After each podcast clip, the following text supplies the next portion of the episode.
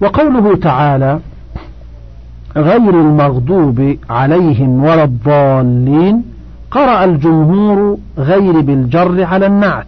قال الزمخشري وقرئ بالنصب على الحال.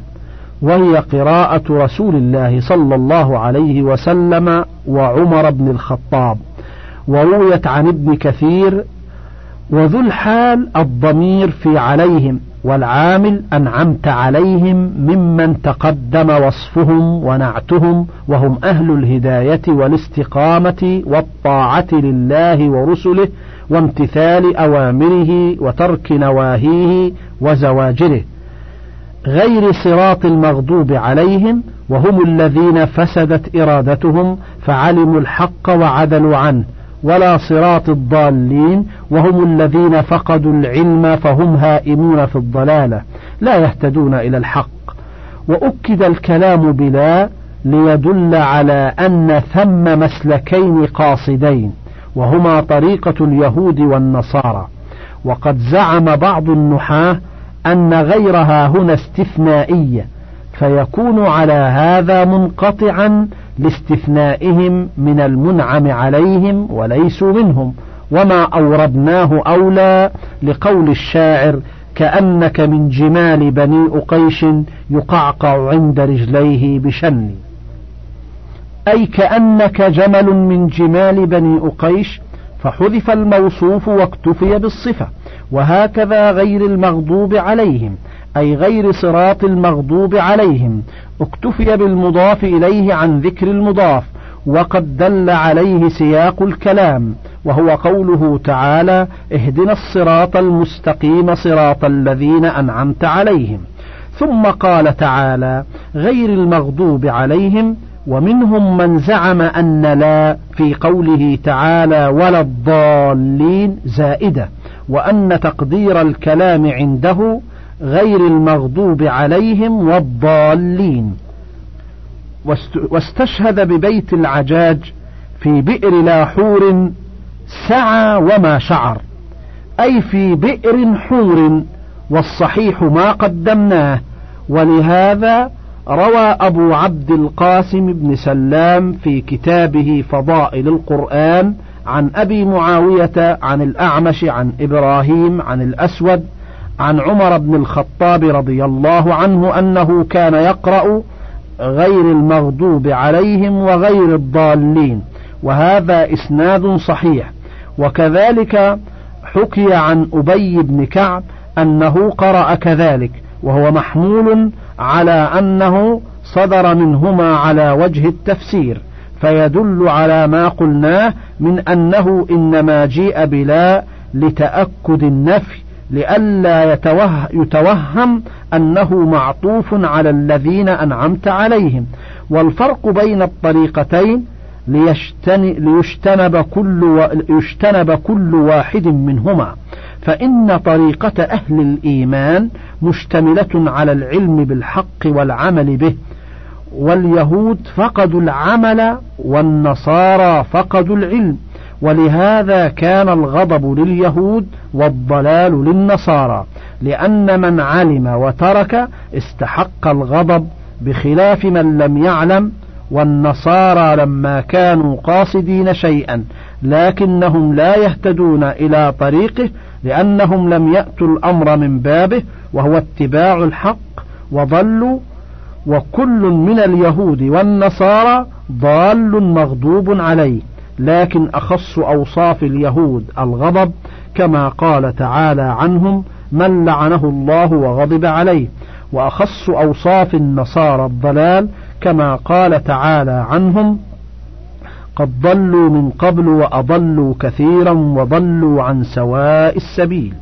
وبهذا جاءت الأحاديث والآثار وذلك واضح بين فيما قال الإمام أحمد حدثنا محمد ابن جعفر حدثنا شعبة قال سمعت سما سماك بن حرب يقول سمعت عباد بن حبيش يحدث عن عدي بن حاتم قال جاءت خيل رسول الله صلى الله عليه وسلم فأخذوا عمتي وناسا فلما أتوا بهم إلى رسول الله صلى الله عليه وسلم صفوا له فقالت يا رسول الله نأى الوافد وانقطع الولد وأنا عجوز كبيرة ما بي من خدمة. فمن علي من الله عليك. قال من وافدك؟ قالت عدي بن حاتم. قال الذي فر من الله ورسوله قالت فمن علي. فلما رجع ورجل إلى جنبه ترى أنه علي قال سليه حملانا فسألته فأمر لها.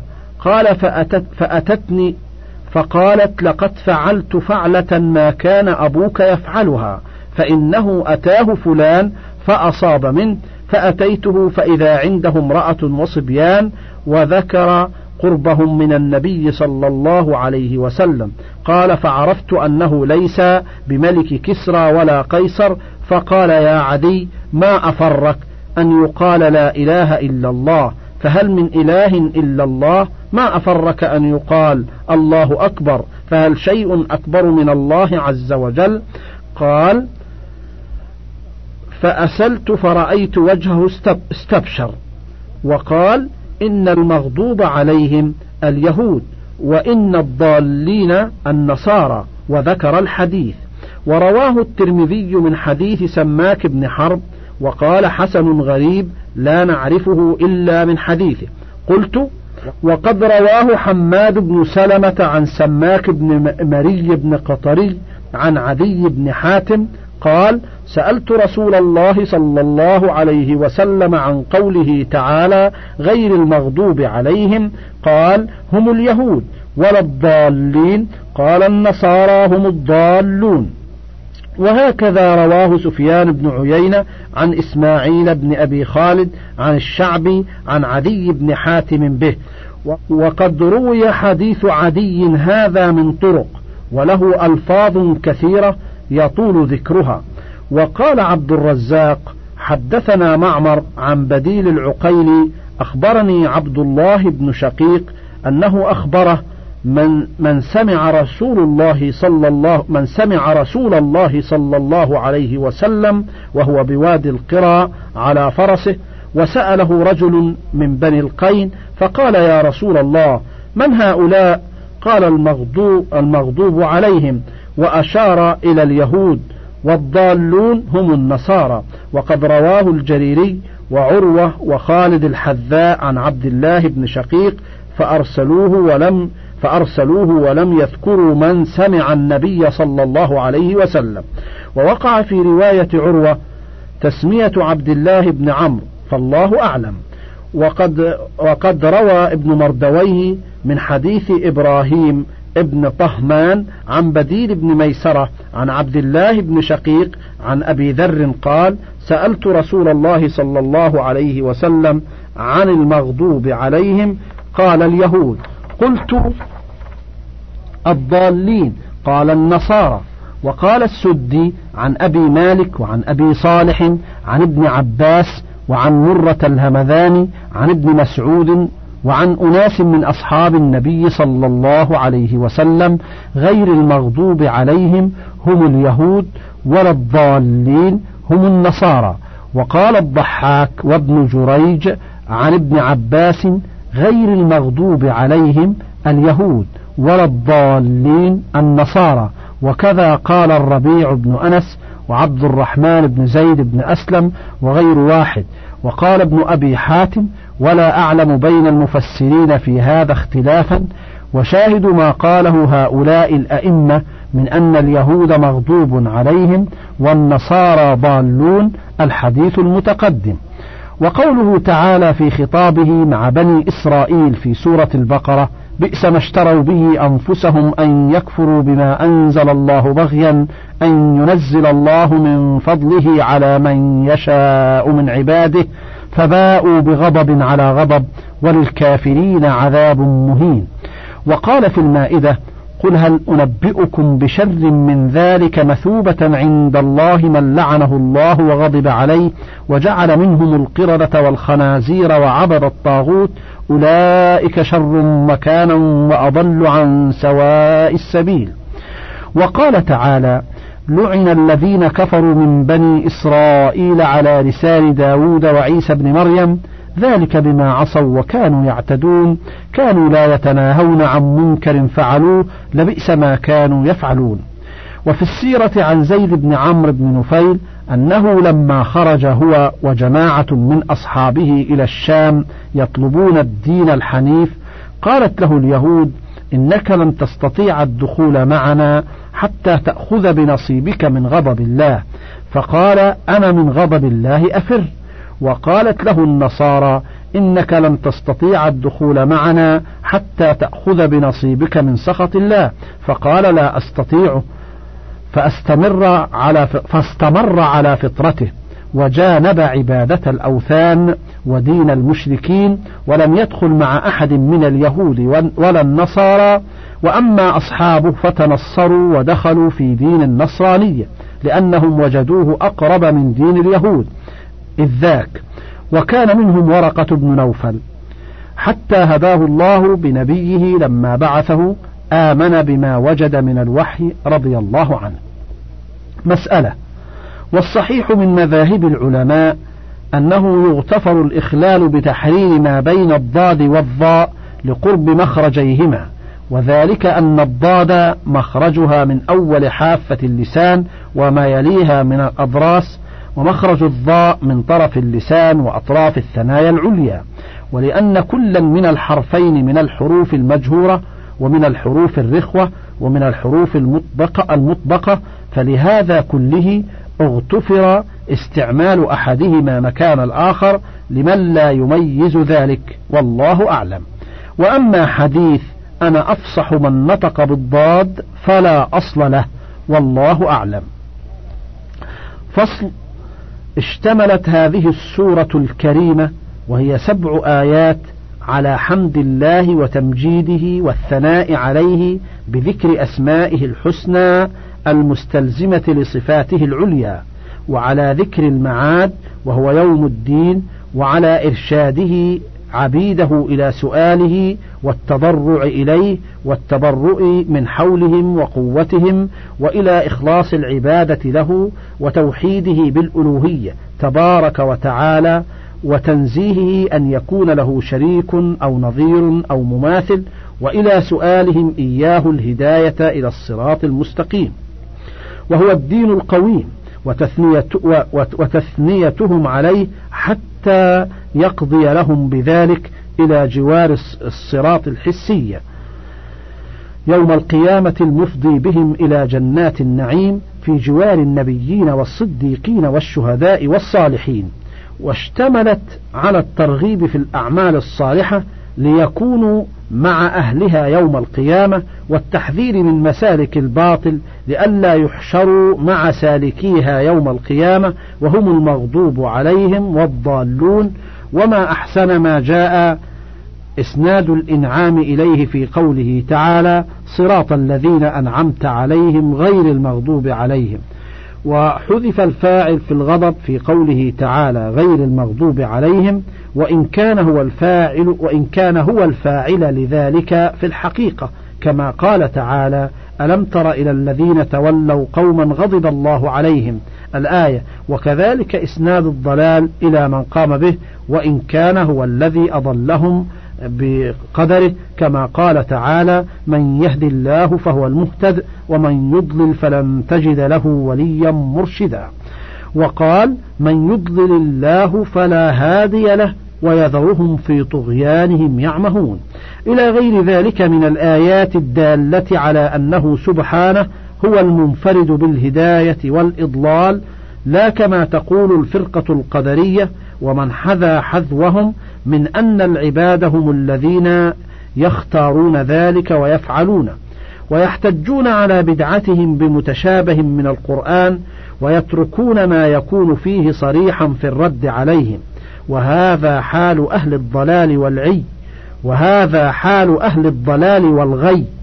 وقد ورد في الحديث الصحيح إذا رأيتم الذين يتبعون ما تشابه منه فأولئك الذين سمى الله فاحذروهم يعني في قوله تعالى فأما الذين في قلوبهم زيغ فيتبعون ما تشابه منه ابتغاء الفتنة وابتغاء تأويله. فليس بحمد الله لمبتدع في القرآن حجة صحيحة لأن القرآن جاء ليفصل الحق من الباطل مفرقا بين الهدى والضلال وليس فيه تناقض ولا اختلاف. لأنه من عند الله تنزيل من حكيم حميد. فصل. يستحب لمن يقرأ الفاتحة أن يقول بعدها آمين مثل ياسين ويقال أمين بالقصر أيضا ومعناه اللهم استجب. والدليل على استحباب التأمين ما رواه الإمام أحمد وأبو داود والترمذي عن وائل بن حجر قال سمعت النبي صلى الله عليه وسلم قرأ غير المغضوب عليهم ولا الضالين فقال آمين. مد بها صوته ولأبي داود رفع بها صوته. وقال الترمذي هذا حديث حسن. وروي عن علي عن علي وابن مسعود وغيرهم وعن أبي هريرة قال كان رسول الله صلى الله عليه وسلم إذا تلا غير, غير المغضوب عليهم ولا الضالين قال آمين حتى يسمع من يليه من الصف الأول. رواه أبو داود وابن ماجه وزاد فيه فيرتج بها المسجد. والدار قطني وقال هذا إسناد حسن. وعن بلال أنه قال يا رسول الله لا تسبقني بآمين. رواه أبو داود. ونقل أبو نصر القشيري عن الحسن وجعفر الصادق أنهما شددا الميم من آمين مثل آمين مثل آمين البيت الحرام. قال أصحابنا وغيرهم ويستحب ذلك لمن هو خارج الصلاة ويتأكد في حق المصلي. وسواء كان منفردا أو إماما أو مأموما وفي جميع الأحوال لما جاء في الصحيحين عن أبي هريرة رضي الله عنه أن رسول الله صلى الله عليه وسلم قال إذا أمن الإمام فأمنوا فإنه من وافق تأمينه تأمين الملائكة غفر له ما تقدم من ذنبه. ولمسلم أن رسول الله صلى الله عليه وسلم قال إذا قال أحدكم في الصلاة آمين والملائكة في السماء آمين فوافقت إحداهما الأخرى غفر له ما تقدم من ذنبه. قيل بمعنى من وافق تأمينه تأمين الملائكة في الزمان وقيل في الإجابة وقيل في صفة الإخلاص.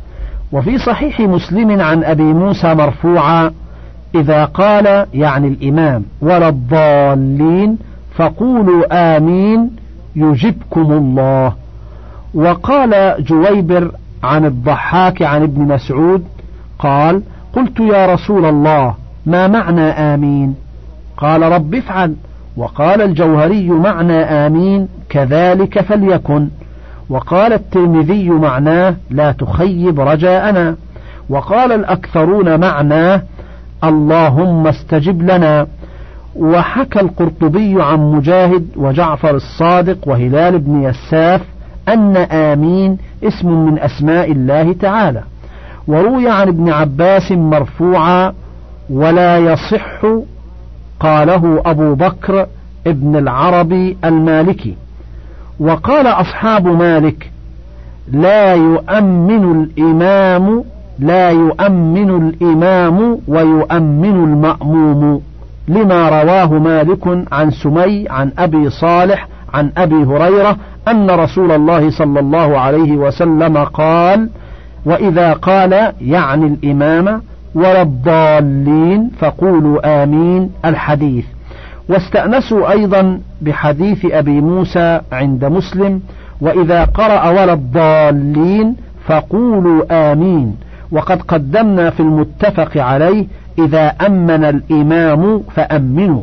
وأنه عليه الصلاة والسلام كان يؤمن إذا قرأ غير المغضوب عليهم ولا الضالين. وقد اختلف أصحابنا في الجهر بالتأمين للمأموم في الجهرية.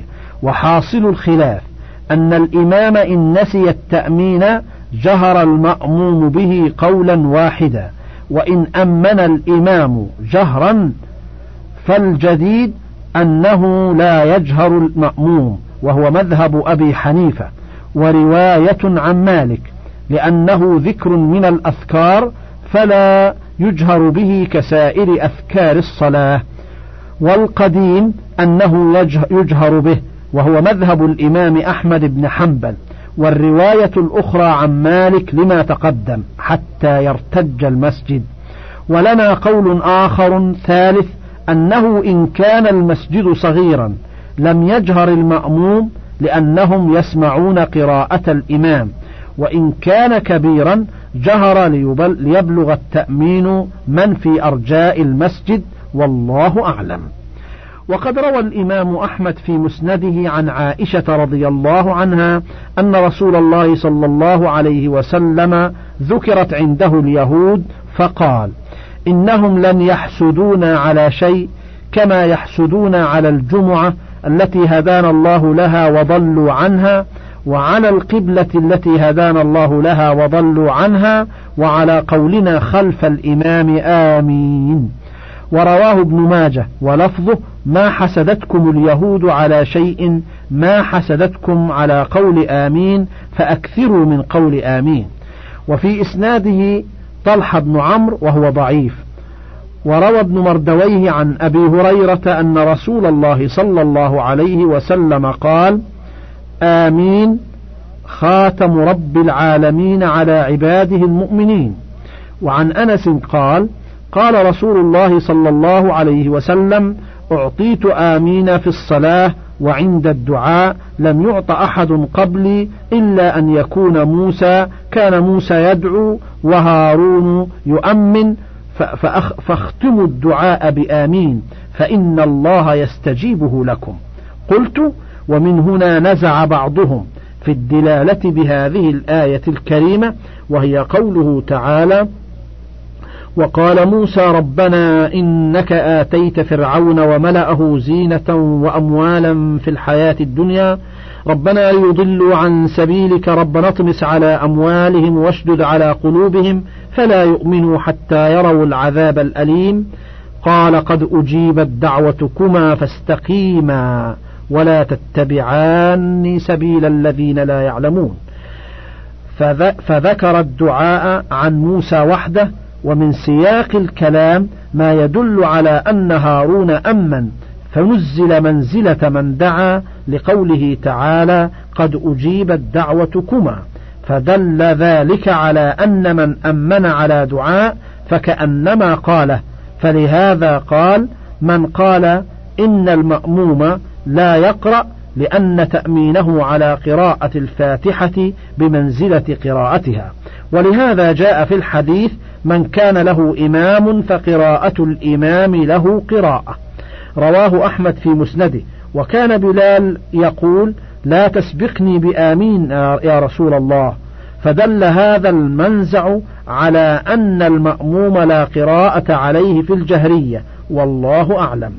ولهذا قال ابن مردويه حدثنا أحمد بن الحسن حدثنا عبد الله بن محمد ابن سلام حدثنا إسحاق بن إبراهيم حدثنا جرير عن ليث عن, عن, عن, عن ابن أبي سليم عن كعب عن أبي هريرة قال قال رسول الله صلى الله عليه وسلم إذا قال الإمام غير المغضوب عليهم ولا الضالين فقال آمين فوافق آمين. أهل الأرض آمين. أهل السماء غفر الله للعبد ما تقدم من ذنبه. ومثل من لا يقول آمين كمثل رجل غزا مع قوم فاقترعوا فخرجت سهامهم ولم يخرج سهمه. فقال لم لم يخرج سهمي؟ فقيل إنك لم تقل آمين. انتهى تفسير سورة الفاتحة لابن كثير. قرأها عليكم الدكتور عبد الستار زموط انتهت هذه المادة ولكم تحيات إخوانكم في شبكة الألوف. والسلام عليكم ورحمة الله وبركاته.